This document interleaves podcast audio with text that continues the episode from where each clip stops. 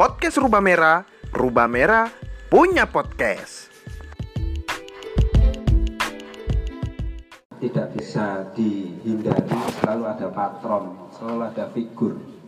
Tapi kalau figur ini terlalu lama atau terlalu berpengaruh, ketika si figur ini sudah tidak ada atau sudah pasif, mereka juga komunitasnya juga akan mulai menurun pergerakannya.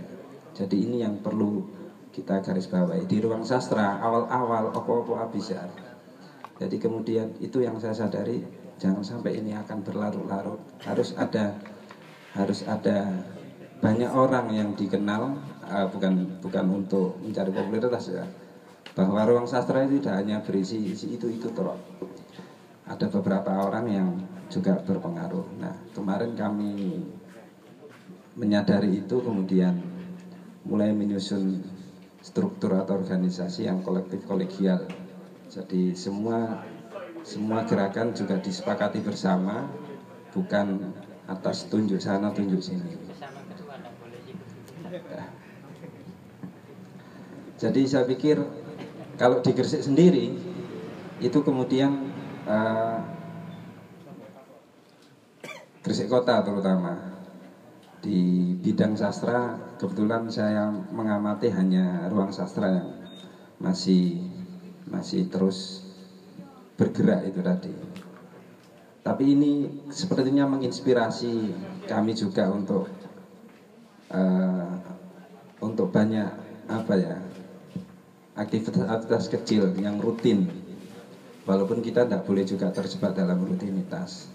Ada satu agenda kecil, ada satu agenda sedang yang beberapa bulan prosesnya, ada satu agenda besar yang tahunan gerakan-gerakan kecil, gerakan sedang, gerakan besar ini yang uh, kita jadikan target bersama untuk di ruang sastra. Terima kasih.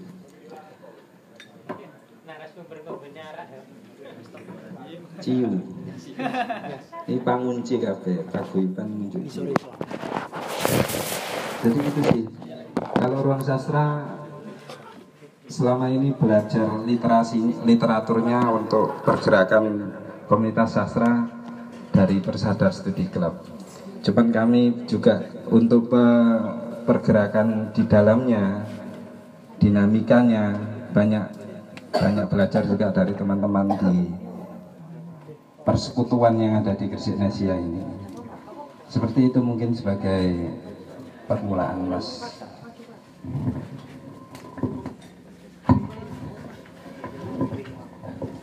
Terima kasih Mas Abizar. Uh, saya langsung ke Mas Ardi sebagai pengkarya yang konon katanya sudah melalang buana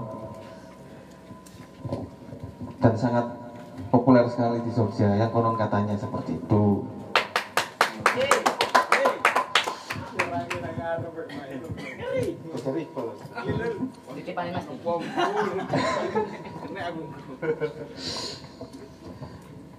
Mas Ardi mungkin bisa ber, bercerita kepada kita yang ada di sini bagaimana sih komunitas-komunitas di Jogja dan bagaimana sih Mas Ardi ketika berkarya dan menunjukkan karyanya antara di sini dan di Jogja apa sih yang berbeda? Kemudian Mas Ardi juga bisa memberikan kita sedikit pandangan bahwa apa sih sebetulnya tantangan terbesar ketika berkarya di Gresik? Monggo Mas Ardi.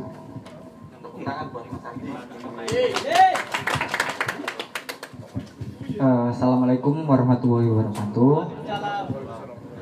Sebelumnya saya revisi sedikit perkataannya Mas Moderator uh, bahwa yang dikatakan dari awal sampai akhir itu salah. Gitu. Jadi kalau ngomong saya sudah berkomunitas sejak lama uh, di undangan atau di pamflet atau di posternya bisa dilihat bahwa Wahyu Lazuardi fonemik dan fonemik itu baru. saya itu baru berkomunitas kemarin setelah melihat adanya Gresik Movie yang melihat membuat film dan lain-lain akhirnya ah aku tak bikin juga ah gitu. Ya jadi jadi itu salah. Jangan jangan dipercaya omongannya mas moderator. Dan kalau diomongkan saya sudah melalang buana juga salah gitu. Karena saya dari dulu anak rumahan tidak pernah keluar ke mana-mana. Ya gitu. Eh, mau pertanyaannya apa Eh, perbedaan antara pengkaryaan ketika berada di Jogja dan di Gresik tantangan terbesar yang ada di Gresik ini apa? Eh, sebenarnya kalau ngomongkan pengkaryaan jelas jelas sangat berbeda maksudnya eh, karena kita berbicara kultur kita berbicara eh, ya kultur yang ada di kota. Katakanlah contohnya di Jogja. Di Jogja itu kampus sangat banyak sekali. Sedangkan di Gresik tidak. Dari situ saja kalau ngomongkan dari segi teater yang hampir setiap kampus ada itu ngomongkan jumlah kuantitas grupnya saja sudah sangat berbeda gitu. Belum ngomongkan kualitasnya. Kualitas yang otomatis dengan banyaknya kelompok-kelompok itu justru eh, persaingan dan lain-lain akan jelas lebih ketat. Meskipun eh, ya ada negatifnya cuman kalau di Jogja lebih ke arah yang positif. Ya sedangkan kalau di Gresik sendiri itu ngomongkan komunitas teater yang kampus saja itu kan sudah kampus berapa sih di sini? Dan tidak semua kampus ada teaternya malah justru yang menarik di sini adalah teater. Kalau ini ngomongkan teater ya itu adalah teater di tingkat pelajar di sini yang eh, hampir setiap sekolah ada teaternya. Meskipun kembang kempis ya kalau istilahnya Mas Abizar tadi la yamutu wala yahya itu ya Mas. Nah, dari segi tantangan saja sudah sudah jelas berbeda. Terus eh, belum ngomongkan komunitas teater pada umumnya, komunitas teater umum maksudnya. Di sana banyak sekali. Eh, meskipun eh, terbentuknya komunitas itu dari berbagai sebab, ada dosen yang membuat komunitas teater, ada komunitas teater yang dulunya ikut kampus karena di kampus tidak diakomodir, tidak diberi fasilitas dan eh, tidak mendapatkan apa-apa. Akhirnya mereka memutuskan untuk berdiri sendiri. Atau alumni-alumni dari teater-teater kampus itu malah membentuk di luar. Gitu. Yang karena juga karena lagi-lagi kembalinya ke sistem dan eh, beberapa tidak kepedulian kampus terhadap eh, komunitas-komunitas tersebut. Akhirnya mereka membuat komunitas itu di luar agar lebih bebas. Dan agar juga katakanlah saya sudah lulus nih dari kampus. Kalau saya tetap berkarya di kampus juga nggak enak kan? Selamanya di sana akhirnya mereka membentuk komunitas di luar kampus. Di Gresik juga mungkin eh, beberapa kejadian mungkin ada yang seperti itu. Kayak contohnya sanggar intra sendiri yang diketuai oleh Mas Kopral. Eh, sebelumnya saya ucapkan selamat dulu untuk Mas Kopral dan Mas Sanov yang ganteng Oh, Kopral juga keren. Ya, selamat ya atas pelantikannya karena mohon maaf tadi terlambat datang karena saya masih melalang buana katanya. Oh, Yo, oke, aku dolen. Ya. Eh, lanjut lagi, contohnya sendiri adalah Sanggar Intra. Sanggar Intra dulunya mungkin eh, kejadiannya seolah-olah sama dulu adalah alumni eh, dari sekolah SEMAM SMA Muhammadiyah 1 alumni teater ekstra itu yang lulus menjadi Sanggar Intra. Meskipun ketika berjalan eh, Sanggar Intra ketika bergabung dengan Gresik Indonesia juga merubah haluan yang itu mengakomodir teman-teman di luar alumni dari SMA Muhammadiyah 1 juga. Nah itu kan kalau ngomongkan pola kan sebenarnya juga sama, cuman eh, sedikit beda karena menyesuaikan kondisi yang ada di Gresik dan di Jogja sendiri. Kalau ngomongkan eh, proses pengkaryaan, perbedaan di sana dan di sini, eh, bagiku jelas ya bukan eh, bukan karena Jogja lebih baik atau Gresik lebih buruk atau sebaliknya bukan proses berkarya di sana karena eh, iklim itu sangat ketat fasilitas juga sangat banyak jadi sangat menyenangkan sekali ketika proses di sana. Gitu. Dan justru ketika saya saya datang ke Gresik malah wah ini tantangannya lebih malah dari Jogja. Gimana caranya kita pentas tanpa ada gedung pertunjukan yang memadai? Atau gedung pertunjukan yang tidak standar gedung pertunjukan? Standar sedikit saja sudah tidak. Ini kalau ngomongkan teater ya kita pentas eh, yang terakhir kemarin eh, di saya ikut prosesnya Sanggar Intra itu di awal Mira. Saya jadi pembantunya Mas Iqbal di situ eh, dan itu garap teater realis bayangkan garap teater yang realis di GNI dengan kondisi tahun 1952 bayangkan suasananya dulu ya terus ketika adegan Mas Iqbal sebagai aktor utamanya ngomong berapa Mira? Ada motor lewat. Meng meng meng meng meng meng meng meng din din din din din. Itu kan sudah jelas rusak atmosfernya.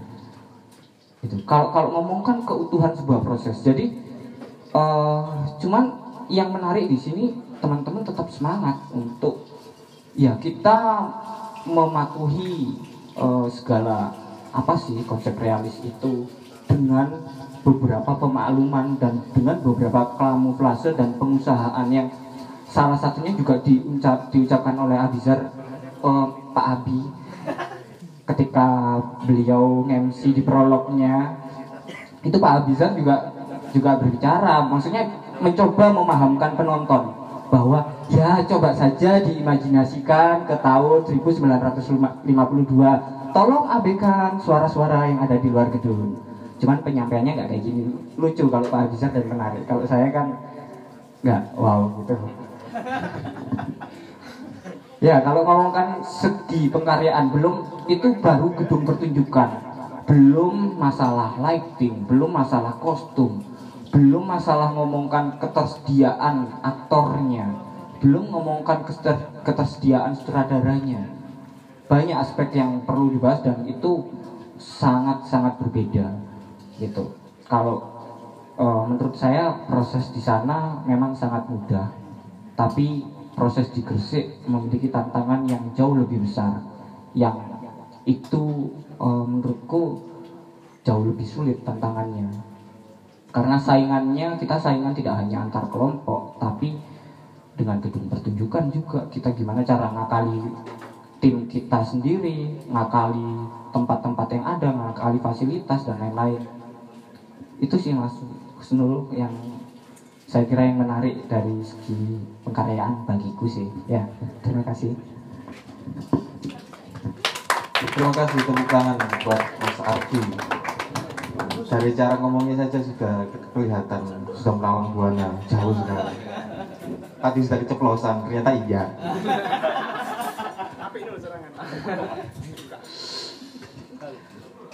Eh, Selanjutnya eh, kita ke Bu Dewi.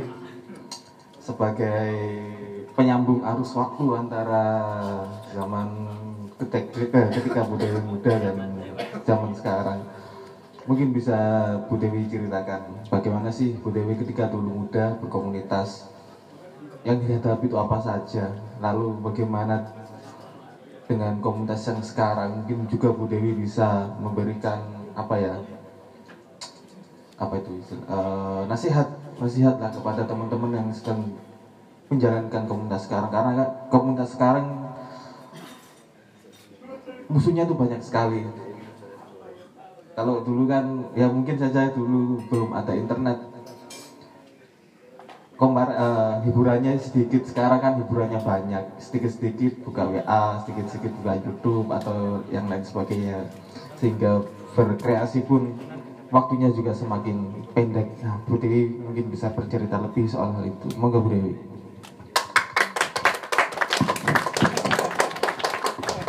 kata-katanya sangar ya. Peng- pengaruh waktu? Assalamualaikum warahmatullahi wabarakatuh kayaknya saya yang paling tua ya saya wajib dongeng ini kayaknya.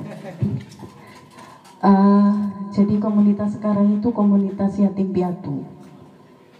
Jadi kalau dulu saya masih remaja, ya masih ini, itu kita masih punya bapak dan ibu. Jadi komunitas-komunitas di zaman saya dulu itu masih para orang tuanya masih masih belum tersesat ya. Kalau tersesat ya nggak jauh-jauh amat itu para orang tua kita itu. Jadi para orang tua kita itu adalah pemerintah. Bayangkan dulu sebuah komunitas teater cager itu bisa latihan setiap hari di halaman gedung kantor agama. Padahal secara prinsip agama itu berseberangan dengan teater. Tapi kita mendapatkan tempat di situ setiap hari, mul- mulai latihan sampai pementasan. Dari situ kemudian tumbuh komunitas-komunitas yang lain yang itu berkompetisi banyak sekali menjamur sampai kemudian kita membuat sebuah wadah yang besar bernama Forum Komunikasi Teater. Forum Komunikasi Teater pun mendapatkan bapak. Kita kalau pentas di gedung Wakil Bupati di sebelahnya Polres. Itu. Sampai kemudian eh, ketika kita sudah tidak bertempat di eh, gedung kantor agama kita masih punya tempat di aula dinas. Dan di setiap eh, pementasan di setiap pementasan itu selalu bapak bupati datang. Hampir tidak pernah nggak datang kalau kita undang. Dan kebutuhan kita itu cuman secari. Bahwa bapak bupati mengatakan kalau butuh apa-apa nggak usah proposal. Eh, apa namanya kertas kelobotnya rokok itu aja dikasihkan ke saya nanti saya saya disposisi gitu. Jadi dulu orang-orang tua kita belum tersesat gitu ya masih menyadari bahwa pentingnya pengembangan masyarakat melalui komunitas. Mereka sadar bahwa mereka nggak bisa berdiri sendiri menjalankan pemerintahan kota ini. Mereka butuh kita. Tapi kalau sekarang sudah sangat tersesat ya sudah sangat tersesat terus kemudian anaknya keleleran gitu ya sampai mengalami mati suri. Eh, Gersik Movie itu tahun 2011 jadi komunitas tapi saya menyadari bahwa kenapa kok Tuhan kemudian menyesatkan mereka gitu ya? Karena ternyata kita tidak butuh mereka lama-lama gitu. ternyata kita butuh ruang yang lebih besar seperti yang dikatakan Mas Ardi tadi bahwa kita butuh eh, ruang-ruang yang memang dibutuhkan gitu. Kalau dulu kita pentas di gedung yang bayangkan di halaman eh, kantor bupati itu sama sekali tidak ada apa namanya eh sound ya, pak sound eh, peralatan yang untuk idealnya sebuah teater ya. Tapi kita bisa hidup gitu zaman dulu. Kalau sekarang kan it- kita sudah sangat kesulitan gitu untuk sebuah pementasan ideal bagi eh, teater gitu ya. Nah, eh, saya nggak tahu ya apakah ini karena kita yang kehilangan atau karena begini, saya tidak menyalahkan 100% pemerintah itu karena pemerintah juga sudah berusaha untuk memberikan kita ruang di Dewan Kesenian Surat eh, Gresik ya, tapi kita nggak bisa memanfaatkan itu. Jadi ini jadi PR PR kita terbesar gitu. Jadi tumbuhnya komunitas-komunitas di kota Gresik ini, eh, saya berharap tidak menutup mata, gitu bahwa cita-cita kami di Gresik Nesia gitu dengan komunitas-komunitasnya itu adalah melahirkan eh, apa-apa yang tidak dipunyai di sebuah kota. Yang tidak dipunyai di sebuah kota di Gresik adalah kemanusiaan. Jadi itu yang yang yang yang menjadi visi kita yang paling utama, menjadikan kota Gresik itu kotanya manusia. Itu yang kehilangan kehilangan kita, kita kehilangan itu. Dan tumbuhnya komunitas-komunitas di kota Gresik itu adalah karena kebutuhan dasar. Kemudian kita melihat sebuah masalah setelah itu setelah tumbuh komunitas-komunitas ini kemudian eh, tidak menjadi dua itu lagi tetapi kita kemudian menengok ke SDM kita apa yang kita punyai apa yang kita punyai kemudian kita kembangkan bertumbuh terus menerus gitu. Itu yang menjadi ruh sebuah komunitas. Bagi sebuah kota komunitas itu adalah salah satu pengembangan masyarakat. Di Gresik Nesia ini eh, kenapa kok kita pakai Nesia itu? Karena berharap bahwa kita bisa menjadi negara kecil karena belakangan ini kita sudah sangat kehilangan sebuah negara itu kita sudah tidak percaya pemimpin-pemimpin kita itu kita sudah tidak percaya dengan kebijakan-kebijakan mereka itu. Dan ini ibaratnya sebuah budaya tanding ya. Tetapi eh, kami menyadari bahwa kita itu masih sangat kecil untuk dibandingkan sebuah negara, tapi tidak menutup kemungkinan bahwa kita bisa menciptakan negara sendiri. Bukan berarti kita meniadakan Indonesia ya, tapi secara naluri bagaimana kita membutuhkan sebuah negara yang bisa mewadahi semua kapasitas dan kemampuan kita. Jadi eh, kalau dari sisi perjalanan itu yang terjadi. Dulu kita masih punya bapak ibu, sekarang kita menjadi yatim piatu. Tetapi sebenarnya eh, peran bapak dan ibu itu bisa digantikan oleh bermacam-macam teknologi, bermacam-macam eh, apa ya wadah-wadah yang lebih lebih spektakuler lagi.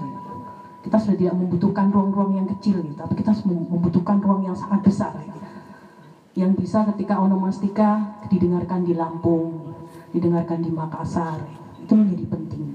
Mungkin di Gresik sendiri komunitas-komunitas ini tidak banyak didengar, tetapi sudah minimal sudah ada yang mendengar dari luar Gresik gitu bahwa di kota Gresik itu bukan hanya industri tetapi tumbuhnya komunitas-komunitas yang kreatif.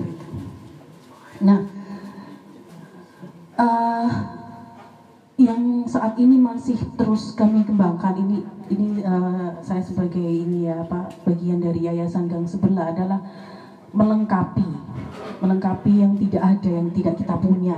Apa gitu. Yang paling yang paling urgent adalah manajerial. Jadi komunitas itu kelemahannya adalah di manajerial. Lah inilah pentingnya mata uang kolaborasi. Jadi sebuah komunitas tidak hanya pengkarya di dalam seni atau uh, sesama yang menyukai sesuatu yang sama gitu, tetapi harus juga melibatkan orang-orang yang tidak sama, yang itu menghandle manajerialnya, menghandle planningnya, menghandle keuangannya, gitu, supaya tetap tumbuh, supaya tetap mandiri. Salah satunya adalah kenapa kita perlu memikirkan adanya wadah Gresik Nesia. Ini untuk menghidupi kita. Gitu karena kita nggak mungkin nyambi-nyambi itu. Kalau kita mau serius di komunitas ya memang harus hidup dengan komunitas. Ya.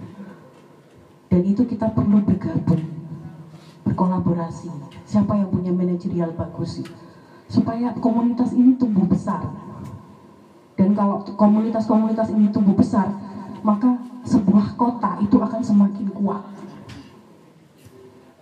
Dan seharusnya pemerintah juga hadir gitu untuk me, apa ya mensupport ini mensupport nah, saya pikir hari ini ada perkembangan ya karena kita biasanya bicara dengan hanya komunitas sekarang ada komunitas dari Cakyu ya yang kita yang kita persepsikan dekat dengan pemerintahan ya jadi tidak tidak tidak menafsirkan bahwa mereka dekat dengan pemerintah ya. dan, dan kita perlu juga orang-orang yang uh, bisa mem membuat jaringan untuk itu kita nggak boleh antisipasi dengan apa pun yang bisa mensupport kita. Jadi minimal mereka tahu bahwa Gresik punya komunitas yang beragam, yang itu juga harus mendapatkan support ya. Jadi tidak hanya ketika dinas pariwisata kemudian mendapatkan support dana dan habis di komunitas hijaber gitu. Sampai 35 juta habis di komunitas hijaber. Gitu. Padahal untuk efek pengembangan, pengetahuan, wawasan dan lain-lain itu masih perlu kita pertanyakan ya uh, kontribusinya apa ya untuk masyarakat itu? Harusnya lebih lebih adil lagi. Itu karena kita nggak ada komunikasi. Kalau toh ada komunikasi ya ya karena kita uh, dianggap kurang ajar itu tadi ya. Jadi uh, dan kayaknya harus memang harus kurang ajar gitu. Kita harus harus terus terus menggedor-gedor uh, dinding-dinding pemerintahan itu supaya punya telinga gitu bahwa kita juga tumbuh gitu. Kita juga tumbuh aku ada ngomong nih kayak wes wes kok ae nek Terima kasih kepada Bu Dewi. Eh, karena ini waktunya masih lama ya, saya mau kembali lagi ke para moderator. Eh, moderator saya sendiri lah.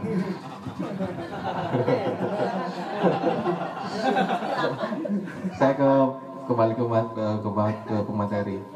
Saya mau kembali ke Mas Abi lagi. Dan tadi Mas Abi bicara eh, komunitas itu harus memiliki gerakan-gerakan. Nah, gerakan-gerakan seperti apa sih yang harus dipunyai oleh komunitas? Iya, apakah gerakan pucu-pucu, tokito gitu? Oh, sudah, sudah lupa, sudah lupa. Nah, gerakan gerakan-gerakan yang harus dimiliki ini seperti apa sih, Mas? Bisa Mas Abi contohkan gitu, yang sudah digerakkan sampai sekarang. Monggo, Mas. Terima kasih. Kalau di garis bawahi gerakannya, Sinoman ini juga termasuk gerakan. Gresik Movie membuat film atau web series kemarin atau nonton barengnya, launching filmnya itu juga gerakan. Sangar Intra, pentas, pelantikan gini tadi juga gerakan. Jadi kontennya itu lebih bukan pada gerakannya, tapi kegelisahan apa yang mereka bawa, yang ingin mereka tawarkan? Kita mungkin tidak terlalu jauh pada skala manfaat ya. Tidak sampai apa sih gunane kita membuat seperti ini untuk masyarakat? Paling tidak eh, apa yang dilakukan di komunitas itu karena tujuannya agar tetap hidup. Orang hidup salah satunya ya bergerak jadi lebih pada eh, substansinya. Tidak hanya tadi disebut komunitas hijab hijaber ya. Juga punya gerakan. Teman-teman Cahyu juga pasti juga punya program-program kecil sedang atau terserah yang itu bisa disebut juga gerakan. Tapi apakah itu eh, kemudian menjadikan komunitas itu tetap hidup. Jangan-jangan zombie. Seolah-olah kita banyak acara tapi acara itu juga event-event yang digelar itu seolah-olah hanya untuk supaya viral atau untuk sekedar bisa diupload di Instagramnya masing-masing. Budaya-budaya selfish yang ini yang kayaknya perlu kita kita cermati karena komunitas-komunitas yang eh, umurnya lama itu yang punya gagasan yang memiliki kegelisahan yang punya karena gagasan tadi idealis yang yang terus mereka perjuangkan. Jadi eh, sekali lagi bukan bukan popularitas yang di, dicari tapi itu tadi substansinya apa untuk untuk eh, gerakan apa untuk kesinambungan komunitasnya. Kalau tadi disampaikan tentang di Jogja, eh, latar belakangnya juga sudah berbeda. Di Gresik sendiri budaya masyarakatnya sudah banyak bercampur dengan pendatang-pendatang.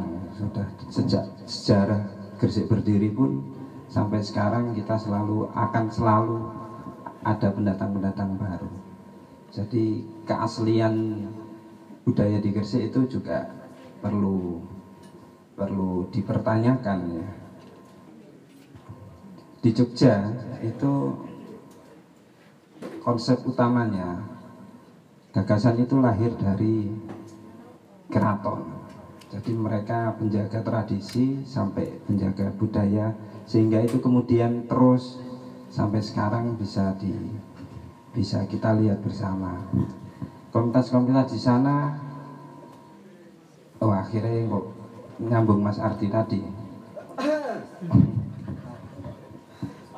Eh, mereka banyak yang pelaku-pelakunya lebih fokus pada satu bidangnya itu sampai kemudian kadang juga menggantungkan hidupnya dari apa yang dia kerjakan di komunitasnya.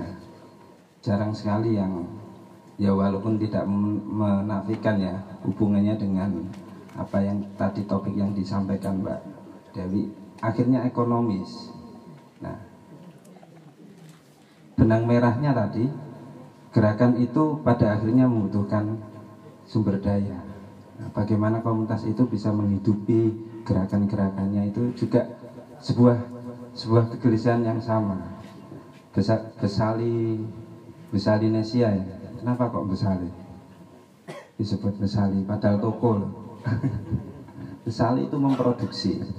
Jadi sebenarnya Gresik Nesia ini wis Besali. Toko ini eh, salah satu bagiannya untuk untuk menghidupi apa yang dilakukan pergerakan-pergerakan yang dilakukan di Gresik Nesia ini. Saya pikir itu. Jadi substansinya bukan mencari supaya viral, tapi lebih ke pada akhirnya apa sih manfaatnya untuk paling tidak untuk diri kita sendiri tiap anggota komunitasnya. Terima kasih.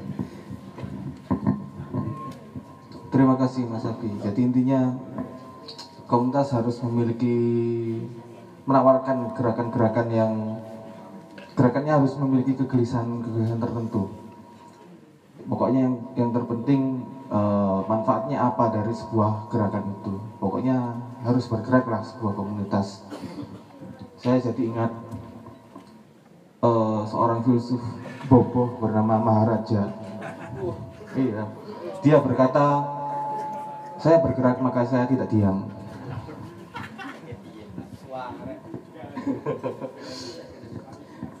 saya balik ke Mas Ardi tadi Mas Ardi ngomong bahwa memang secara kultur dan iklim di Jogja dan di Gresik memang sudah sangat berbeda karena di Jogja banyak sekali kampus yang memiliki yang sudah dari lama sekali bergerak yang tidak dimiliki oleh Gresik. Nah, eh, dengan keterbatasan yang semacam itu, ah, bagaimana sih, bagaimana eh, selanjutnya komunitas yang ada di Gresik ini dengan iklim yang memang seperti ini harus tetap bertahan, bahkan harus berkembang.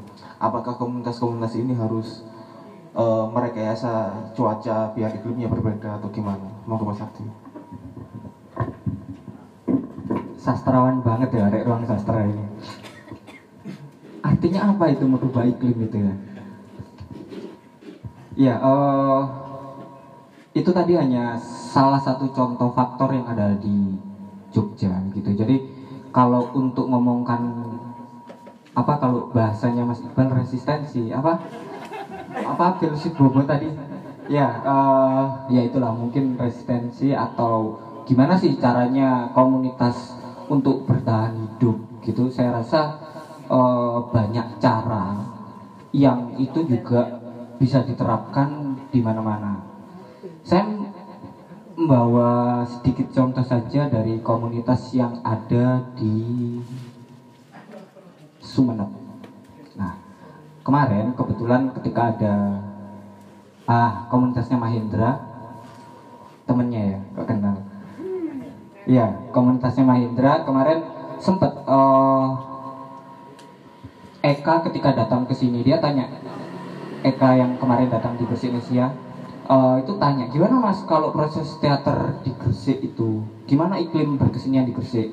Dan ketika aku sampaikan ke dia ya ternyata oh ya memang kayak gitu mas di semua daerah gitu. Kalau kita ngomongkan support pemerintah dan lain-lain ya ya berhenti. Kita tidak akan berproses kalau kita hanya sekedar menyalahkan pemerintah gitu.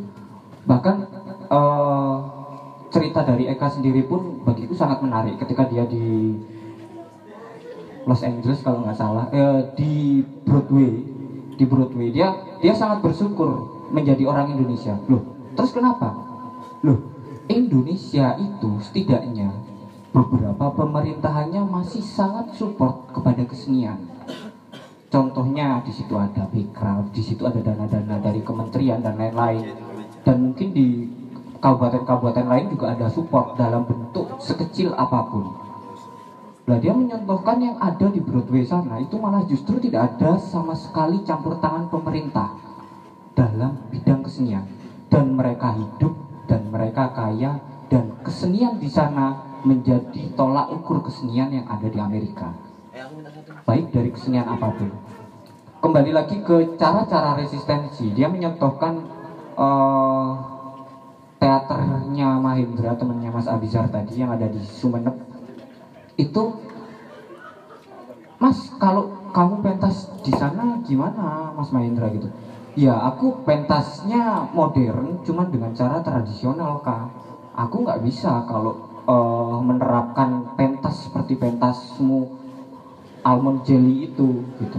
Jadi mereka pentas penonton itu bayarnya tidak dalam bentuk uang tapi ada yang gowo gulo ono sing gowo beras ada yang bawa apa pun. Yang itu menutup kebutuhan-kebutuhan para eh, pelakunya pemain teaternya. Katakanlah oke mereka di situ untuk membuat satu pentas mereka iuran patungan. Sewuan bendino sewuan. Tapi dengan cara penonton datang dengan membawa beras membawa gula itu ya tergantikan duit sewu sewu mau sing saja nih kayak tuku beras ya diganteni dari penonton. Itu salah satu contoh resistensinya.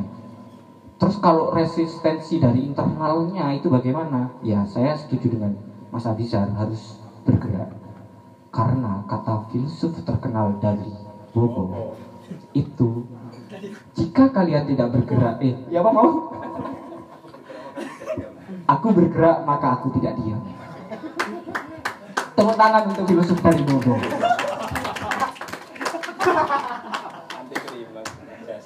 ya eh, terus kalau di Gresik sendiri saya rasa kita bisa mencontoh lah dari apa yang dilakukan dari teman-teman di Gresik Nesia masalah resistensi.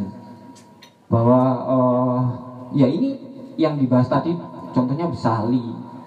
Itu gunanya untuk apa sih? Ya untuk menghidupi komunitas itu sendiri karena memang di Jogja pun itu yang menjadi sebuah masalah adalah di sana memang banyak orang-orang yang fokus. Oke banyak orang-orang yang fokus. Banyak orang-orang eh, dalam tanda kutip hebat. Oke banyak orang hebat di sana. Di teaterku eh, ya di di mana ya? Di komunitas teaterku di Jogja gitu. Orang belajar fokus menjadi pimpinan produksi dia belajarnya sampai ke Jepang. Di garasi orang belajar state manager atau lighting itu sampai ke Australia. Bahkan sefokus itu. Dana dari mana? Ya link. Link yang kita nggak tahu datangnya kapan gitu. Katakanlah kita pentas di sini gitu. Eh siapa tahu di sini ada orang yang datang dan ternyata dia manajer sebuah perusahaan atau apa itu kita tidak pernah tahu tentang itu. Nah cuman banyak orang yang fokus seperti itu cuman yang terjadi di Jogja pun adalah orang datang di komunitas itu datang dan pergi. Itu juga menjadi permasalahan di sana gitu. Di SAC sendiri pun oh, bahkan orang yang sefokus itu belajar state manager hingga ke Jepang dan lain-lain ya hanya beberapa tahun. Bisa dihitung dengan jari mereka keluar dan muncul state manager baru dan muncul pimpinan produksi baru yang juga tidak kalah fokusnya. Gitu. Setelah dia menjadi pimpinan produksi dan sukses membawa SAC ke Jakarta ke India gitu keluar negeri gitu ya akhir-akhirnya ya mereka pergi lagi. Itu masalah bersama yang harus kita atasi. Maksudnya dengan cara kita membuat rumah produksi di situ ada perputaran uang yang dapat mengikat seseorang bahwa ini loh aku berkesenian hidup loh di sini. Itu bahwa kesenian ini bisa menjadi lahan pekerjaanku juga. Itu itu yang penting menurutku untuk sebuah resistensi sebuah komunitas.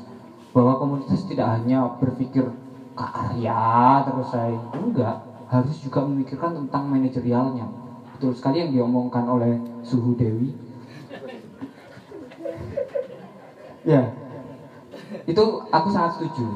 Cuman baiknya kalau di sana itu ketika pimpinan produksi pergi bikin komunitas lain, ketika state manager pergi membuat komunitas lain, atau dia di mana pun, ketika kita melakukan sebuah produksi dan mereka ada waktu, mereka akan kembali membantu. Dan itu yang tidak dipunyai orang-orang di Gresik. Beberapa dari kita, mungkin tidak semua ya, tapi saya lihat iklimnya kalau di Gresik seperti itu. Jadi uh, ketika orang-orang datang ke Gresik pergi dari sebuah komunitas ya udah pergi hilang tapi kalau di sana ketika uh, kalau istilahnya Mas Iqbal kemarin gerakan kejayaan memanggil gitu atau Gresik Indonesia memanggil atau apa pun memanggil atau ada proses apa pun mereka akan datang dan menyempatkan waktunya untuk datang dan membantu meskipun di pos-pos itu telah diisi oleh orang lain itu menariknya di sana Cuman bukan berarti ada tidak ada problem maksudku ya. Bukan berarti tidak ada problem. Ya ada. Problemnya ya kita selalu ganti-ganti orang terus.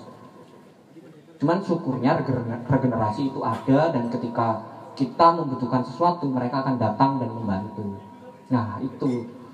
Itu juga uh, tanggung jawab rasa memiliki sebuah komunitas itu juga penting dan harus dimiliki oleh teman-teman yang ada di sini juga. Selain ngomongkan manajerial uh, buka tempat usaha seperti ini yang menurutku juga keren. Gitu Mas Usul saya sudah bergerak gini banyak dari tadi dari kayaknya. Terima kasih luar biasa sekali Mas Ardi bahasanya semangat saya kembali ke Bu Dewi sekarang. Nah, tadi Bu Dewi. Ngomong bahwa memang komunitas sekarang itu sudah yatim piatu. Uh, membuat saya sadar dan bersyukur bahwa sekarang di hari ini di tempat ini masih ada komunitas yang masih memiliki ibu Bu Dewi jadi nggak yakin jatuh ya.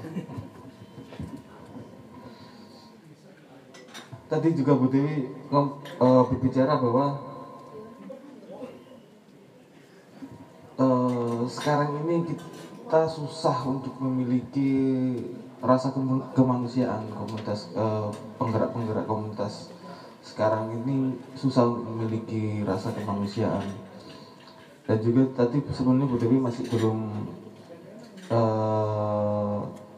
bercerita kepada kita sekarang komunitas yang sekarang ini ada para para pemuda sekarang ini yang dihadapkan dengan banyak sekali hal yang tidak atau belum ada di masa lalu ini ya kita harus bergerak bagaimana Bu terutama anak-anak anak-anak muda yang sekarang masih SMA atau yang masih kuliah. Itu kan tantangannya banyak sekali. Yang dihadapkan itu juga banyak sekali. Nah itu bagaimana Bu? Monggo Bu. Apa pertanyaan. Abutan perabotan. Uh, ya uh, sebenarnya yang dikatakan Mas Ardi tadi benar ya. Jadi sebenarnya Gresik juga tidak kehilangan itu Mas Ardi. Contohnya Mas Abizar kembali ke Gresik.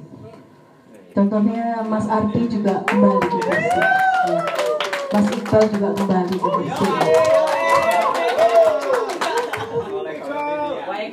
Jadi Iya benar. Ya sebenarnya Gresik juga punya iklim seperti itu gitu, tapi uh, belum nampak itu ya karena kita masih terbatas itu. Nah, uh, memang dalam dalam hal apa pun ya kita butuh militansi, butuh militansi. Jadi ke mana kita akan dipanggil itu nanti Tuhan yang menentukan gitu. Tetapi militansi itu harus selalu ada gitu di dalam diri kita. Gitu. Uh, tapi tidak salah juga bahwa beberapa dari teman-teman saya itu ketika sudah tidak berada dalam sebuah komunitas. Itu ketika komunitas memanggil itu ya abot gitu abot itu. Jadi yang paling dibutuhkan adalah berkesinambungan gitu. berkesinambungan gitu. Dari dari yang sudah menjadi pelaku lama kemudian menjadi pelaku uh, dengan pelaku baru itu harus ada sinergi. Makanya seperti yang dikatakan oleh eh, siapa tadi? Mas Abizar ya tentang tokoh itu, tokoh sentral itu. Itu yang berusaha di yayasan gang sebelah terutama itu yang yang kita hancurkan mitosnya. Bukan kita hancurkan mitosnya tapi kita membuat mitos baru gitu ya. Kalau komunitas-komunitas yang lama memiliki mitos bahwa tokoh sentral itu menjadi sangat penting gitu ya. Kalau boleh saya katakan ada Mas Roin, ada Pak Lenon, ada Bu Uyun gitu. Itu tokoh-tokoh sentral yang yang di zaman masa lalu menjadi sentral mitos gitu. Nah, tugas kita sekarang di komunitas yang baru ini adalah menciptakan mitos sendiri gitu. Yang mitos itu adalah bahwa tidak ada tokoh sentral dalam sebuah komunitas gitu. Makanya di Yayasan Gang sebelah semua bisa menjadi ketua. Tidak ada satupun yang menonjol gitu. Jadi tidak ada eh, tokoh Mas Irfan, Bu Dewi atau Sanov atau eh, Sandi yang sangat dominan atau Raja Iqbal sangat dominan tidak gitu. Jadi kalau kita sudah merasa bahwa contohnya ini saya saya buka sedikit ya rahasia dapur di Gresik-Nesia. Contohnya ketika Mas Irfan terasa sangat dominan di beberapa komunitas, maka dia menjadi raja kecil itu. Maka kita putuskan raja-raja kecil ini. Jadi Mas Irfan kemudian kami uh, geser, kemudian jadi Mas Dimas, Mas Sanov, Mas Anto, atau siapa pun lah yang yang harus semuanya harus muncul gitu, harus menjadi tokoh semuanya. Itu supaya nanti kalau mereka sudah berkembang keluar itu mereka akan kembali gitu karena mereka masih karena merasa masih dibutuhkan di komunitas itu jadi itu yang yang yang juga sangat penting ya bagi bagi komunitas yang baru ini kalau di, di yayasan yayasan gang sebelah itu kita menciptakan mitos tidak ada tokoh sentral ya. semuanya punya potensi semuanya punya uh, kreativitas yang harus kita support gitu. itu supaya kita hidupnya agak langgeng gitu, agak langgeng karena semakin banyak energi maka akan semakin terus bergerak itu. Nah, kalau bicara tentang kemanusiaan ya, kita bernafas pun sebenarnya di Gresik ini sudah tidak manusiawi, sudah tidak manusiawi gitu.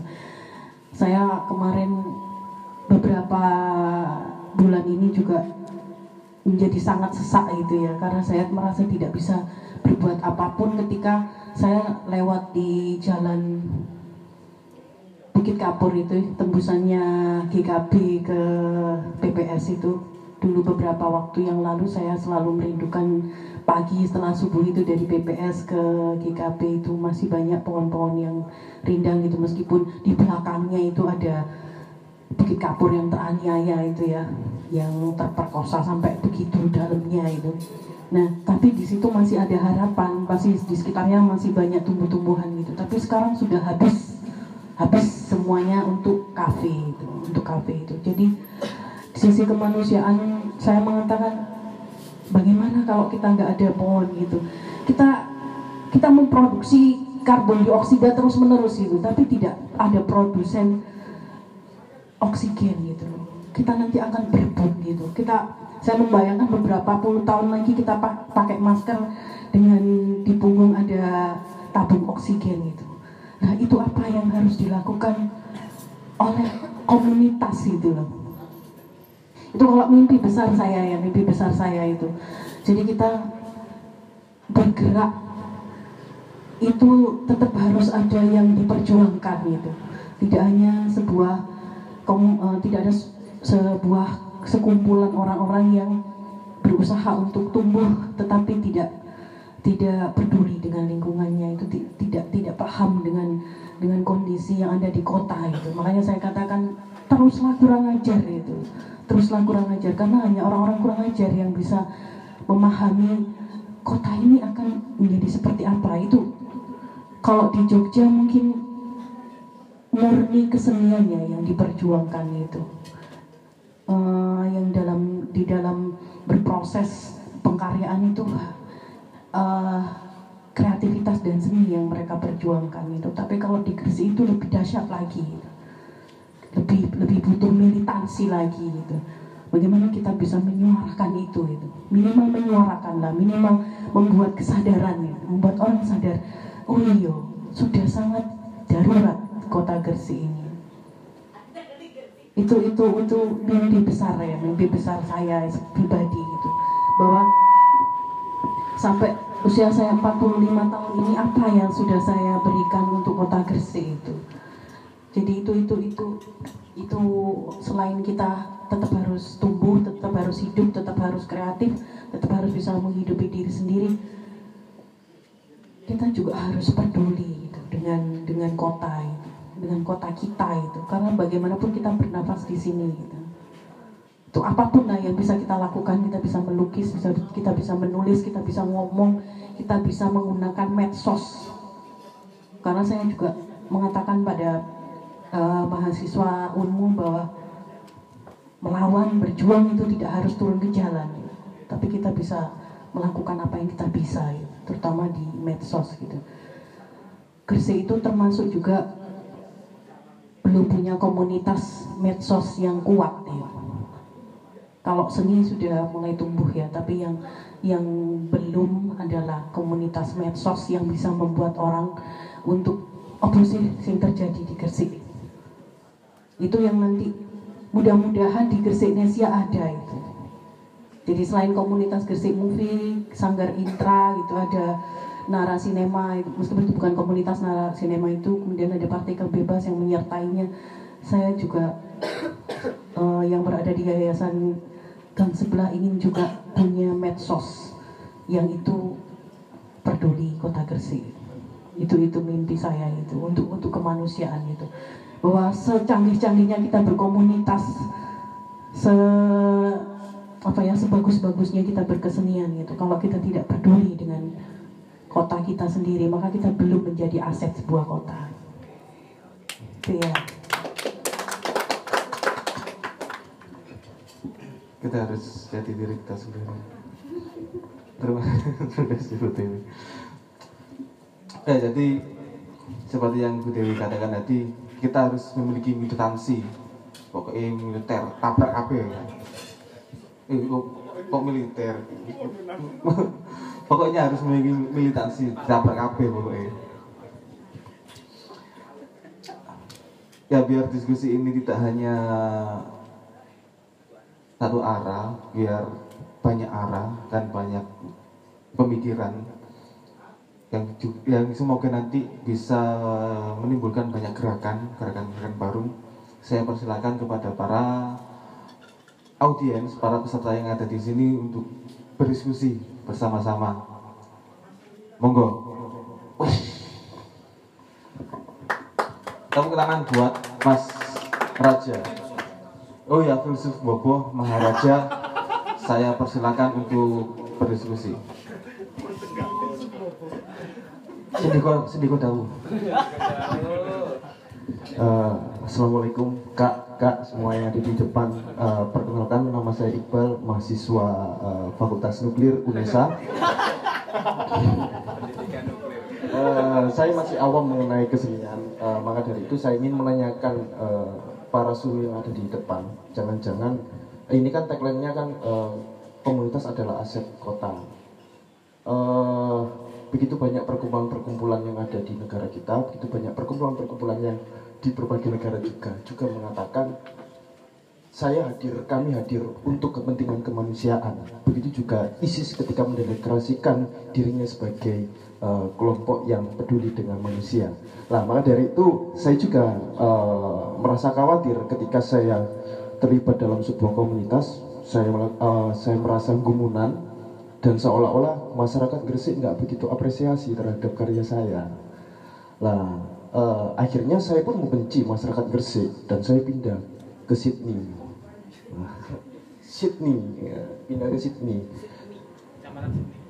Ya, uh, maksudnya uh, begini, sampai sejauh mana kita harus menyadari bahwasanya komunitas merupakan aset kota. Apa sih hubungannya? Gitu. Uh, sedikit sentilan, uh, kurang lebihnya saya kurang uh, sependapat dengan apa yang disampaikan Bu Dewi tadi bahwasanya uh, Gresik Nesia ini memang mirip sebuah negara. Kalau aku mengatakan memang negara karena kita sudah terbentuk sebuah pemerintahan, rakyatnya sudah ada, wilayahnya tanahnya juga kontrak, sama-sama kontrak. Iya kan, kontrak di kontrak eh, sama gitu. Terima kasih.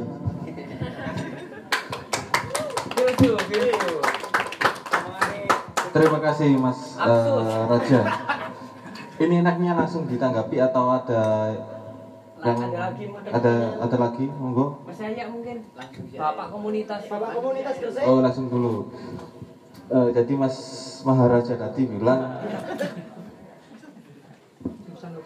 sampai ma- eh, sampai mana eh, komunitas itu harus menyadari bahwa dia adalah aset sebuah kota.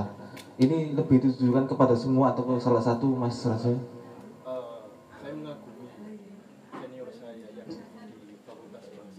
Oh bukan nuklir, mau nuklir hari ini. Iya nuklir tapi suka sama bahasa dan seni. Oh gitu. Siapa itu? Saya nggak kenal. Monggo Mas Ardi.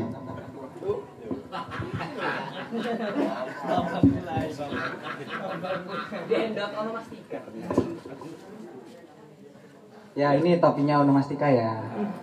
Kalau mau beli nggak ada, cuman saya yang punya di sini.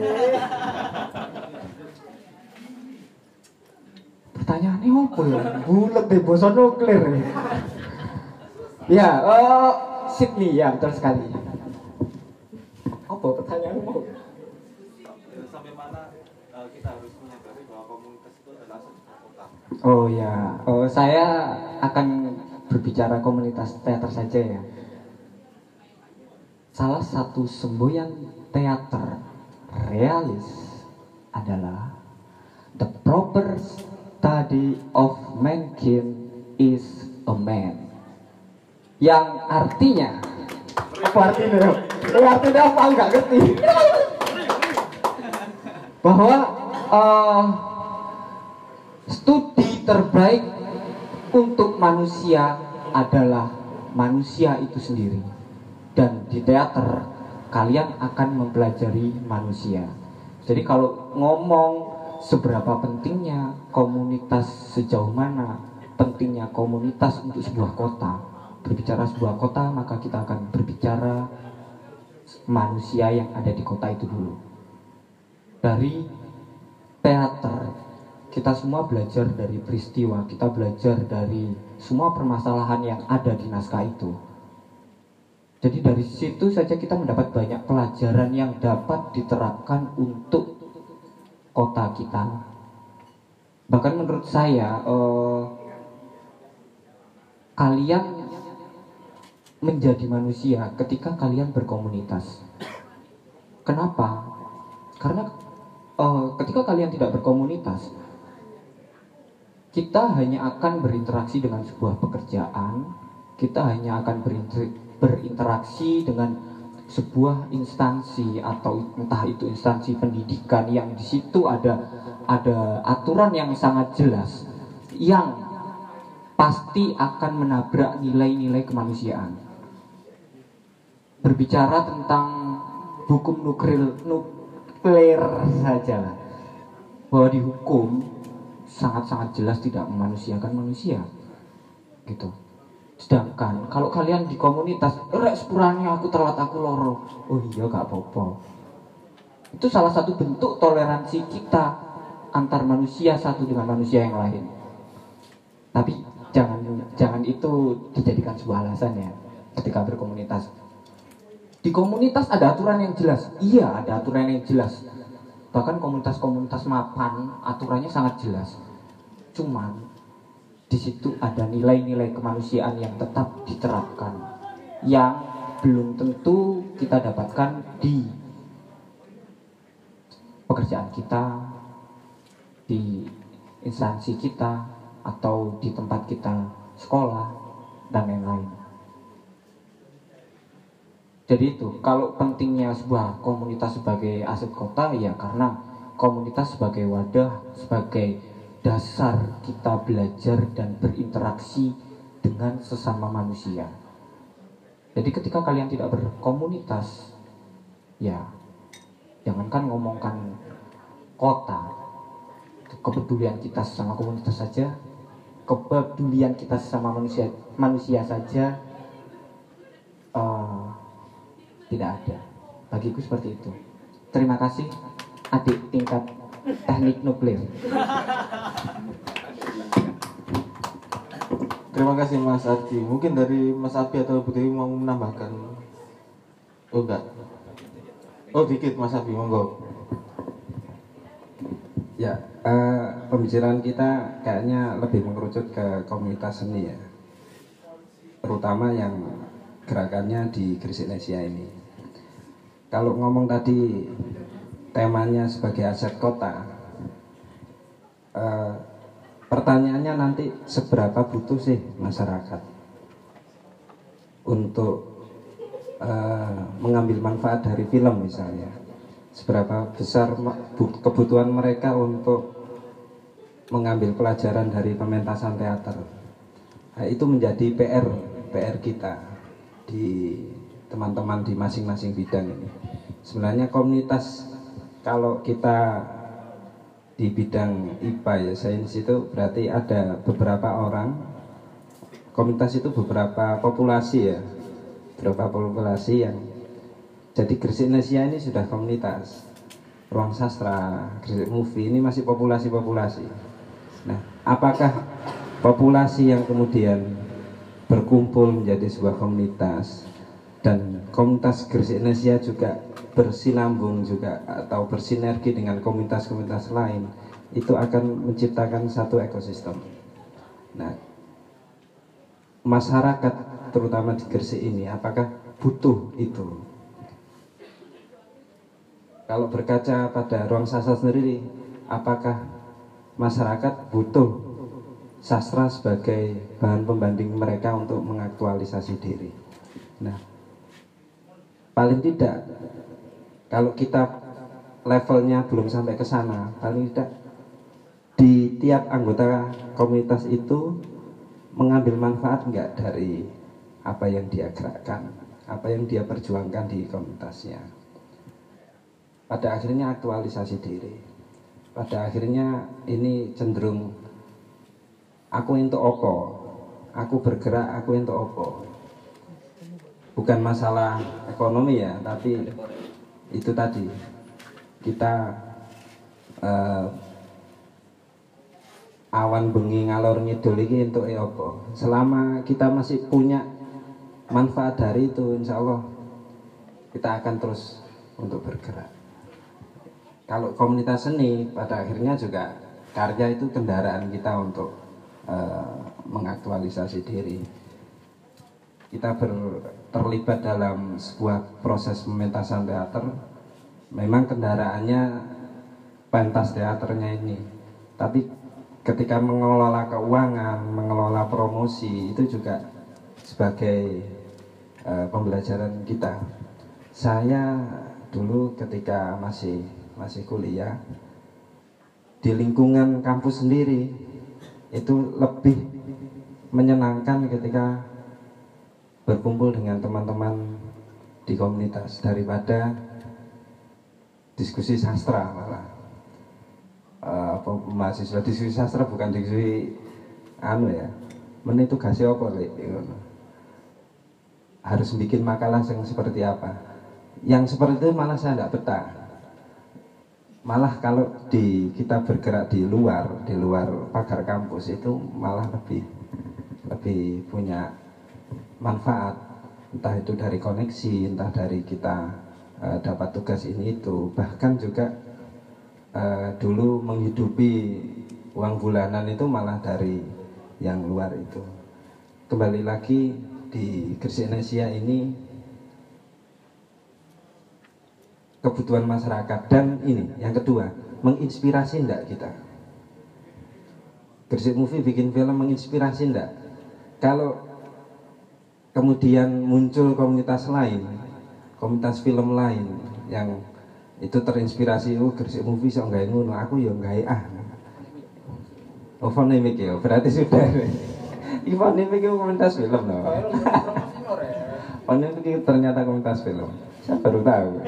Saking barunya. ya. Itu menginspirasi enggak? saya kita otokritik ya untuk kritik Gresik Indonesia sendiri. Apakah kita bergeraknya ini masih dalam lingkaran, masih hanya nguplek nang Gresik Indonesia ini, belum belum merambah ke mana-mana sampai sejauh mana pergerakan kita, sampai sejauh mana orang-orang luar melihat kita, melihat Gresik Indonesia itu kemudian terinspirasi membuat Gresik Indonesia Gresik Indonesia baru. Ruang sastra pun di dalam komunitas kami itu juga demikian. Eh, adanya ruang sastra di Gresik mana di ujung pangkai Gresik di utara, di Menganti daerah Menganti, apakah juga muncul seperti itu? Terus terang kami sendiri pun bukan berangkat dari dari kekosongan, dari kemudian tidak ada. Eh, yang nyuntuh dari komunitas-komunitas lain, terinspirasi dari komunitas-komunitas lain. Nah itu paling tidak ke depan perlu kita kita eh, ya ndak ngumplek nang kene terus. gitu. Saya yakin, tapi sudah sudah mulai melakukan itu ya eh, teman-teman di Gresik Indonesia atau terutama di gang sebelah ini. Itu. Ya? nambahi oh, Bu Dewi mau bisik-bisik soalnya Iya, eh, jadi gampangannya gini aja ngomongkan soal kebutuhan. Ketika kita berbicara tentang kota dan manusianya, pasti kita akan berbicara tentang ruang publik dan hiburan. Hiburan kita dalam tanda kutip hiburan ini banyak sekali bentuknya. Maksudnya hiburan yang dipertunjukkan atau lain-lain. Terus contohnya bagaimana dengan komunitas sayu? Bagaimana dengan komunitas eh, pencinta hewan kayak yang diomongkan Irfan tadi? Apakah mereka membuat hiburan, membuat sebuah pertunjukan ke itu? Enggak. Hiburan tidak selalu seperti itu. Yaitu kesamaan kebutuhan bahwa oh aku seneng kadal, ketemu wong sing seneng kadal itu kan sebuah hiburan. Itu kalau kita ngomongkan hiburan saja. Jadi se- sebenarnya ngomongkan seberapa penting komunitas sebagai aset kota ya sangat sangat penting menurutku karena komunitas salah satu eh, media hiburan itu sendiri baik komunitas yang menampilkan sebuah pertunjukan atau komunitas apa pun yang tidak menampilkan sebuah pertunjukan yang berdasarkan dari hobi dan kecintaan pada sesuatu. Dan ketika itu berkumpul bersama dengan orang-orang lain dengan orang-orang di sekitarnya itu akan menjadi hiburan tersendiri. Eh, mungkin itu. Terima kasih Mas Ardi dan Mas Abi. Monggo kepada yang lain. Oh menanggapi. Enggak kasih kesempatan. Ya, ya wis. Aku nggak melakukan pertanyaan rojo ya apa maneh wedi ya. Eh, aku cuma menanggapi aja, nggak melakukan pertanyaan. Nanti pertanyaan diwakili sama Mas Yaya. Eh, saya tadi sependapat sama eh, omongannya Mas Dimas Kopral Prayogi ketika Mas Adi mengatakan eh, bahwasannya di teater realis itu lebih memanusiakan manusia daripada dihukum. Saya tadi sependapat dengan Mas Dimas. Eh, justru saya eh, menolak anggapan seperti itu. Ya Mas ya tadi ya. Sama-sama hukum mas. Sama-sama hukum. Karena eh, ketika saya berbicara sama Mas Gusnul eh, ada salah satu filosof mengatakan Siapa siapa? ibi societas ibi ius di mana ada masyarakat di situ ada hukum sehingga eh, bagaimanapun pergerakan kita bahwa melalui eh, kisah hidup secara real ataupun melalui media sosial ataupun berhubungan komunitas atau apa pun kita memiliki aturan-aturan sendiri yang disepakati maksudnya kayak gitu. Saya nggak sependapat dengan apa yang dikatakan sama mas senior saya. Gitu. Ya mas ya? Mas mas Dimas tadi gitu ya? Oke, terima kasih ya.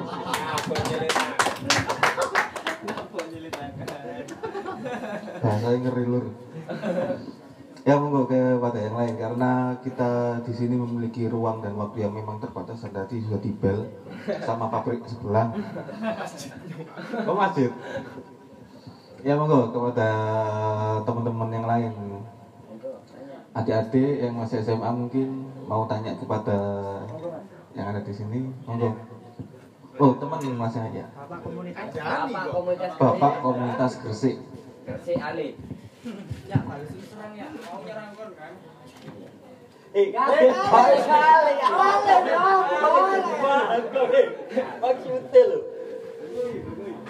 Oke, terima kasih. Assalamualaikum warahmatullahi wabarakatuh. Eh, aku sebenarnya gak iso adik intro-introan kayak ngono mau makanya iki apa sing ngono nang utekku tak catet kata kuncine apa apa apa sing perlu tak takono iku ngono ya gak iso intro-introan kaya arek-arek sastra model apa gak iso. Ya ya wis ini gila, mbok para karo. Eh maksudnya gini. Bahwa saya campur gak apa-apa ya. Si Alif biasa campur nang warung di sini. Awal kita main komuni- komunitas dan aset kota. Ya. Eh, kalau tadi Mas Abdi membicarakan soal komunitas di Gresik hari ini, Mas Ardi membicarakan geliat komunitas antara di Gresik dan di Jogja, tantangannya dan apa pun. Terus Bu Dewi menceritakan soal komunitas dulu dan sekarang. Jadi ini pertanyaannya semuanya ke- ketiga narasumbernya dari sudut pandang ketiga itu tadi. Ngerti ya? Nah pertanyaannya gini, kok tambah cilik sih? Oke, komunitas. Kalau kita berbicara soal komunitas, terus eh, di sini di Gresik Nesia itu lebih ke komunitas seni ya. Kalau, kalau komunitas seni lebih ngomongkan pengkaryaan. Tetapi selain ngomong pengkaryaan, kita harus juga berbicara soal penyelenggaraan. Jadi nek kalau contoh Arek Gresik Movie atau Sanggar Intra yang baru dilantik ketua barunya, pasti mereka akan fokus soal ya apa cara kita bikin karya pertunjukan teater, ya apa kita bikin produksi film. Tapi kita juga harus mikir itu dulu, kini harus nggak penyelenggaraan pemutaran film dan apa? Duduk pementasan. Apa? Pertunjukan. Apa lah siku lah pokoknya istilahnya membelok teater ngono lho lah itu lah. Maksudnya kan dalam komunitas itu kan oh iki arek iso aktor. Oh arek iki iso gini gini gini dalam komunitas itu terus. Tapi kamu juga dituntut untuk bisa menyelenggarakan acara. Jadi arek iki spesialis sebenarnya nang gini tapi kok dituntut jadi multi talent selain kan ngomong no latihan gaya acara oh latihan ngomong no teater atau sibuk produksi film kan ya kudu mikir iki mending gaya acara kon butuh duit kon butuh golek apa promosi kon butuh golek kon kon butuh bla bla bla bla lain jadi gitu kak iki ya apa cara nih kita ngomong keseimbangan antara pengkaryaan dan penyelenggaraan acara dengan SDM sing ini kayak kue sing ngomong pengkaryaan ya iku sing ngomong penyelenggaraan ya iku. Lah terus lah ini ngomong tantangan keterbatasan kita. Selain eh ya wis pemerintah sing wis kabarolah gak ngereken atau masyarakatnya sendiri pun ya wis gak ngereken karena memang Gresik itu gue golek duit ini gue hiburan ya nang sebelah karena gitu. Terus eh, karena minimnya SDM dan lain-lain terus iki selentingan terakhir sih perlu dijawab atau enggak terserah. Kalau ngomongnya soal komunitas selain seni ada komunitas motor, ada komunitas iwak, manuk, komunitas mancing dan lain-lain. Oke mereka itu komunitas yang berangkat dari hobi, tetapi lek komunitas ngelakoni mancing tok, ngelakoni ngono tok, yo, yo bosan menurutku. Tetapi makanya kan ada beberapa komunitas yang meskipun dia dari komunitas motor, yo nggak sekedar touring, yo nggak sekedar bikin acara eh apa itu istilahnya autos itu loh ah itu custom fest nih istilahnya saya custom fest gitu tapi mereka juga bikin acara kayak yo kolaborasi dengan satlantas entah kolaborasi atau dimanfaatkan aku tak ngerti. Nah itu eh, terus kadang mereka juga bikin kegiatan sosial kayak peduli bencana dan lain-lain gitu. Ya itu sebenarnya pengembangan dari komunitas biar mereka nggak jenuh di komunitas itu sih. Karena komunitas kalau acara itu orang touring tok atau mek narung no iwak tok ya monoton bosen ngono tok. Ibu terima kasih. Wassalamualaikum warahmatullahi wabarakatuh Mungkin ada yang lain eh, dijadikan satu karena waktunya memang terbatas. Eh, monggo.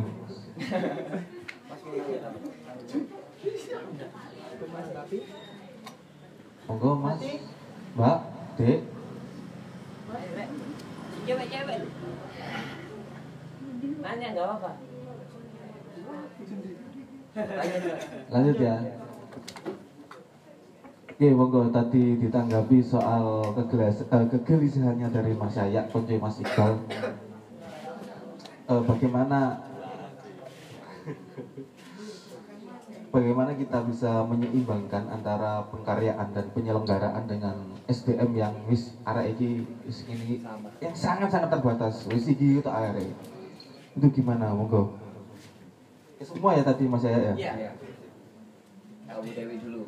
Itu berat kok. Bu Dewi dulu katanya Mas Ardi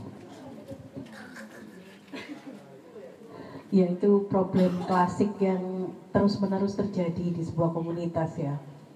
Jadi ada dua sisi mata uang. Eh, sebenarnya kita sangat butuh itu. Jadi di Gresik Nesia itu juga belum pernah ada rekrutmen untuk manajerial. Itu yang yang nanti akan kam- eh, akan saya usulkan untuk Gresik Nesia. Jadi misalnya eh misalnya kita suka buka rekrutmen untuk talent ya, talent film, talent teater gitu. Tapi kita belum pernah buka talent manajerial, penyelenggaraan terutama.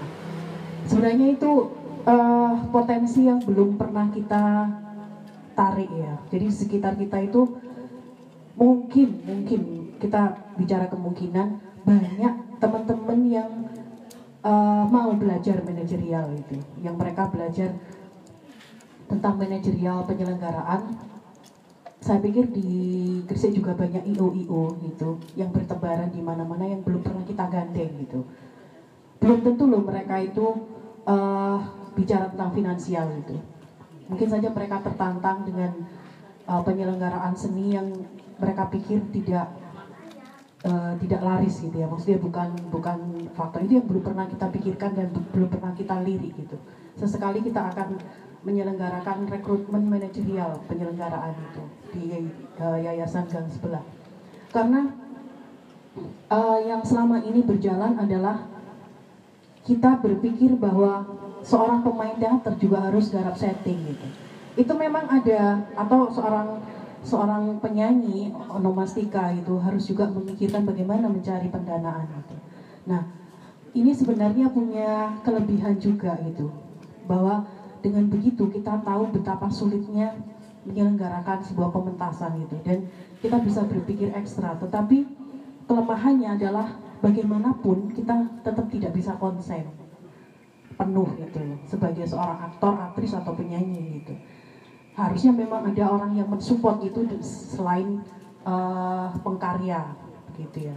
Nah, ada banyak contoh ya ketika di pameran Gresik apa Grace Art ya eh, pameran lukis itu mereka menyelenggarakan di GMI itu juga gagal untuk mencari penonton atau publik yang datang. Itu karena tidak ada manajerial penyelenggaraan pelukis-pelukis itu hanya berkarya saja, tapi tidak tidak memikirkan bagaimana untuk mendatangkan dan mengo- mengolah sebuah acara sehingga menarik itu. Itu akan mengalami kegagalan juga gitu. Nah, kekurangan itu yang berusaha ditutupin oleh teman-teman di yayasan gang sebelah gitu dengan cara kolaborasi gitu. Padahal orangnya ya itu itu aja gitu. Misalnya kita pakai eh, narasi sinema, kita pakai partikel bebas, tetapi orangnya udah sama-sama, sama aja gitu loh. Nah, itu sebenarnya yang yang boleh dikatakan Mas Abizar tadi bahwa Gresik Indonesia ojoknya kumpek air gitu loh. Jangan berada di tempat yang sempit gitu. Kita harus tetap melebarkan sayap. Gitu. Nah, melebarkan sayap itulah termasuk rekrutmen manajerial, hal-hal yang belum pernah kita pikirkan yang menjadi sebuah kebutuhan bagi kita. Gitu itu yang harus kita ini ya apa namanya kita pikirkan lebih jauh lagi. Supaya lebih banyak lagi. Saya pernah ke ini ya pernah uh, ngobrol dengan anak-anak mahasiswa tentang literasi waktu itu di uh, di apa namanya di IMM ya Ikatan Mahasiswa Muhammadiyah. Itu ternyata mereka nggak nggak kenal sama sekali. Gresik Nesia, Onomastika itu nggak kenal sama sekali. Itu juga menjadi lahan garap PR kita di Yayasan Gang Sebelah itu bahwa kita juga harus merambah kampus gitu. Yang selama ini sudah uh, gandeng dengan kita adalah UISI ya, karena ada Teh Irni yang uh, apa namanya menjadi bagian dari ruang sastra dan Indonesia gitu. Tapi kalau tidak ada orang yang berada di situ, maka kita nggak nggak nggak akan dikenal gitu. Meskipun di UNMU itu ada sancek gitu, tapi ternyata mahasiswanya itu ya hanya sedikit sekali yang paham bahwa di sini ada Indonesia gitu. Itu membuat saya berpikir bahwa sebenarnya kita juga perlu menggandeng akademisi gitu. Supaya kalau kita mau membuat proposal gitu atau apa pun itu kita bisa ada penguatnya gitu. Dan mahasiswa itu sangat penting sesungguhnya. Jadi begitu banyak ya PR dan sebelah itu tadi saya sudah alhamdulillah malam ini kita bisa dialog gitu jadi kita bisa memiliki mimpi-mimpi yang sebenarnya harus kita lakukan itu yang pertama adalah kita membuat membuka itu ya rekrutmen manajerial itu. Kemudian masuk ke akademisi-akademisi dan yang ketiga mungkin menggandeng pemerintah itu kita nggak boleh buta dengan itu karena kita juga sama-sama membutuhkan itu selain pengkaryaan. Kemudian kita juga butuh riset gitu. Itu juga penting gitu. Mem, uh, mungkin itu nanti bisa sebenarnya tugas saya ya riset riset seberapa penting sih masyarakat itu membutuhkan kita gitu atau bisa dibalik seberapa penting kita bagi mereka gitu. itu itu itu PR untuk yayasan dan sebelah. Jadi uh, kalau kalau menurut saya pertanyaan Mas Jaya bukan pertanyaan itu tapi PR itu karena itu uh, persoalan klasik yang terus menyertai sebuah komunitas itu dan di yayasan gang sebelah itu kita sudah harus buka rekrutmen manajerial. Itu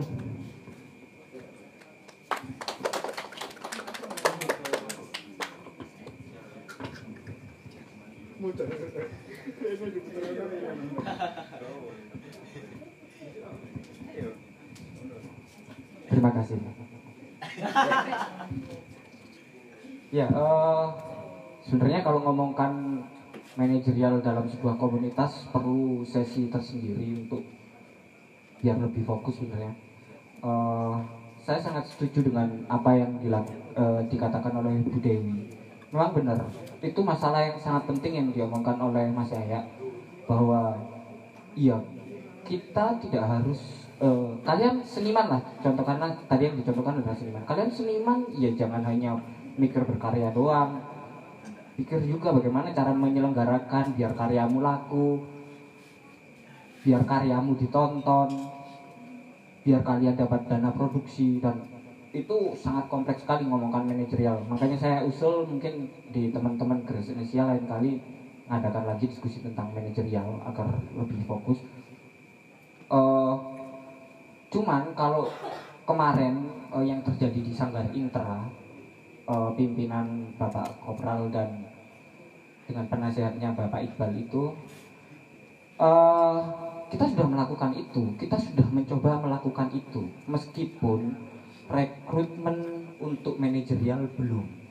Tapi kita sudah memilah-milah. Eh rek kon fokus nang iki. Eh rek kon fokus nang iki. Berdasarkan keahlian. Mungkin di Indonesia pun juga sudah melakukan itu. Dengan menata struktur yang baik. Siapa sih bendaharanya, siapa sih sekretarisnya, siapa sih PR-nya dan lain-lain. Ya teman-teman sudah melakukan itu. Cuman yang belum memang yang dikatakan Bu Dewi itu rekrutmen di bidang manajerial. Karena selama ini memang kita mengoptimalkan teman-teman yang ada saja. Tapi bukan berarti kita tidak melakukan sesuatu untuk perubahan manajerial. Kita kita sudah melakukan itu gitu.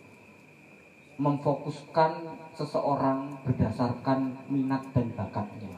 Atau berdasarkan dari yang terbaik dari yang ada contohnya contoh-contoh lain e, pembagian plotting itu e, di Sanggar Intra kita beberapa kali juga melakukan perubahan manajer gitu. Manajer pimpronya ini di ini. Oh ternyata ketika besok ininya orang ini kurang kurang ini atau karena kendala waktu atau karena kendala apa akhirnya kita kita cari lagi. Gimana nih pimpronya ganti ini aja coba. Karena dia yang bisa berhubungan dengan orang lain dia bisa eh, istilahnya lancar berhubungan dengan orang lain yaitu kita ajarkan Jimpro juga di divisi lain selain manajerial pun saya rasa juga ada perkembangan yang sangat baik. Contohnya nah ini bukan gojlok ini serius. Contohnya Mas Iqbal. Dia yang di Jogja sebagai aktor besar mendapat banyak penghargaan sebagai aktor terbaik di Jogja. Ketika pulang ketika pulang ke Gresik eh, setelah ngobrol dengan Kopral itu akhirnya dia memilih untuk lebih fokus ke setting. Karena dari beberapa orang ini yang terbaik masalah settingnya adalah Mas Iqbal. Dan dan dia eh, mau menanggalkan bakatnya di keaktoran untuk lebih lebih fokus di bidang setting. Itu termasuk sebuah sistem manajerial yang tidak hanya berbicara tentang penyelenggaraan menurutku. Makanya eh, aku rasa akan lebih menarik ketika kita adakan sesi diskusi khusus tentang manajerial. Bagaimana sih cara manajerial sebuah komunitas? Itu itu kita adakan sesi khusus saja biar lebih matang untuk biar lebih detail juga. Program. itu dari saya terima kasih. Nambahi. Eh, Rendra itu pernah menyatakan sebuah kelompok teater itu harus siap miskin. Itu satu poin. Poin yang lain perihal hal-hal lain di luar panggung. Bahkan sampai teater koma sendiri pun yang dianggap teater terbesar ya di di Indonesia. Itu juga tidak ngurusi produksi. Mereka membayar orang untuk untuk ngurusi promo, ngurusi tiket seperti itu. Karena mereka karena punya uang, karena punya proyek. E, meskipun pimpinannya masih Mbak Ratna ya, Mas Nano urusan di panggung, Mbak Ratna istrinya urusan produksinya. Tapi orang-orang di bawahnya ini e, timnya ini mereka membayar. Yang menarik, terutama di teater koma itu di dua hal ini dalam sebuah mentasan produksi sama artistik. Itu selalu ada satu atau beberapa orang yang mereka minta untuk mengkritik. Tak bayar tugasmu hanya golei kekurangan. Hanya mengkritik. Terutama di artistik ya di di penyutradaraan di proses naskahnya. Jadi dia hanya melihat kurangnya apa, kurangnya apa. Apakah juga di sini di kelompok ini juga ada orang-orang yang hanya bertugas golek kekurangan, terutama di, misalnya di produksi kurangi misalnya pos, posternya di IG sama di anu seperti apa itu kurangnya di sini di sini di sini. Atau di penyutradaran lampunya jangan pakai merah harusnya tapi itu hanya eh, disampaikan pada bosnya di Mas Nano atau Mbak Ratna. Jadi salah satunya itu.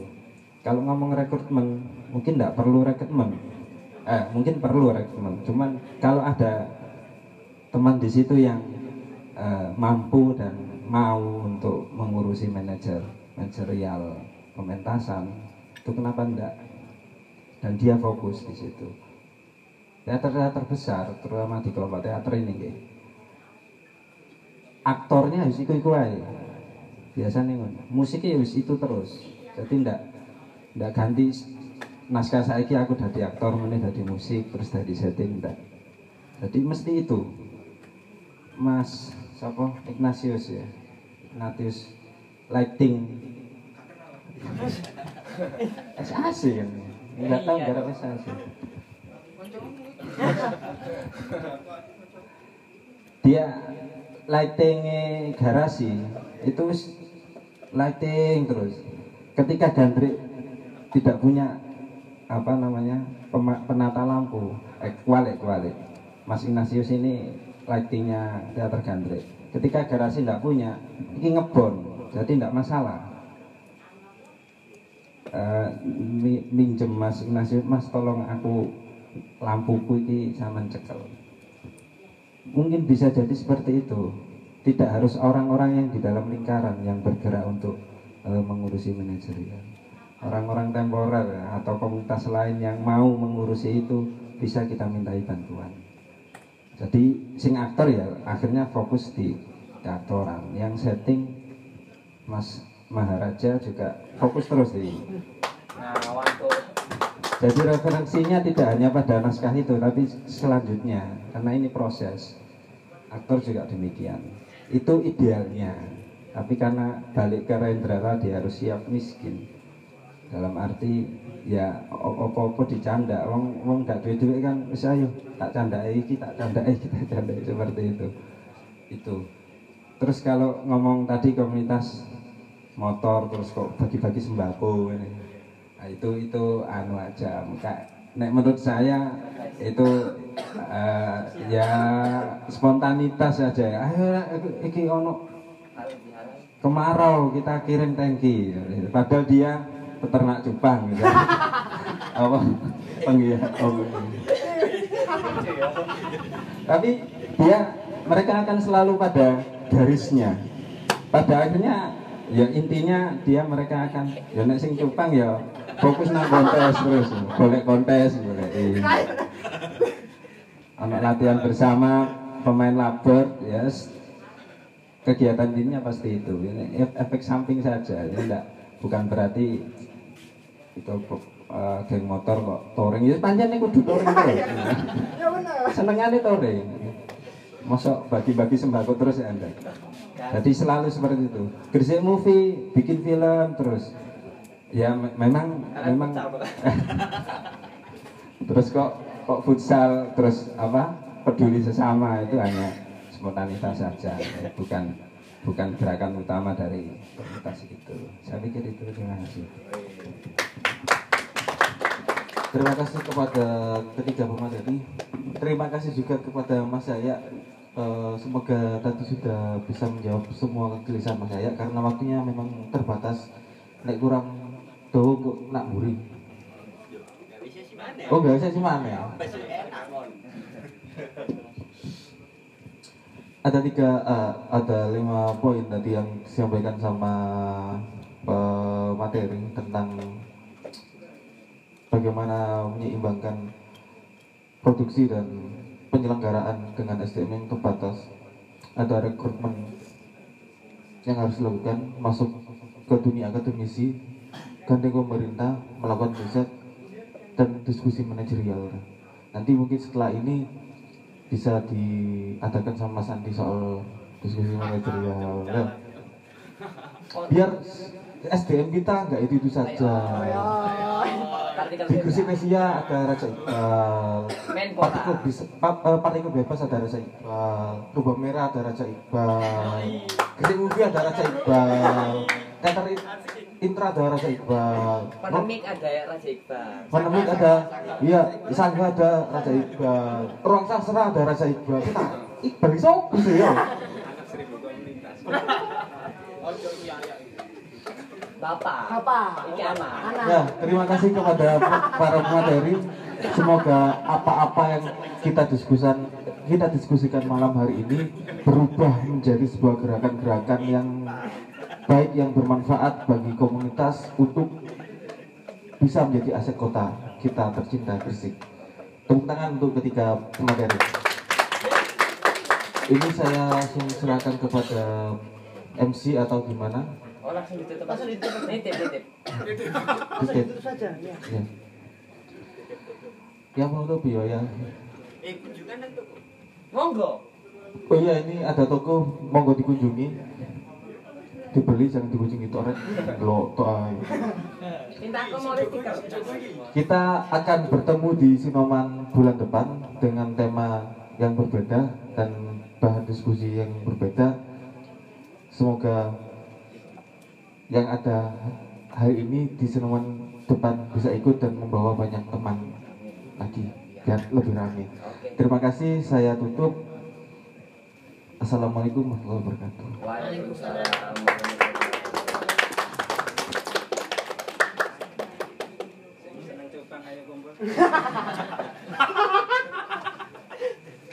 kegelisahan yang sama Ternyata lebih lucu daripada Apip.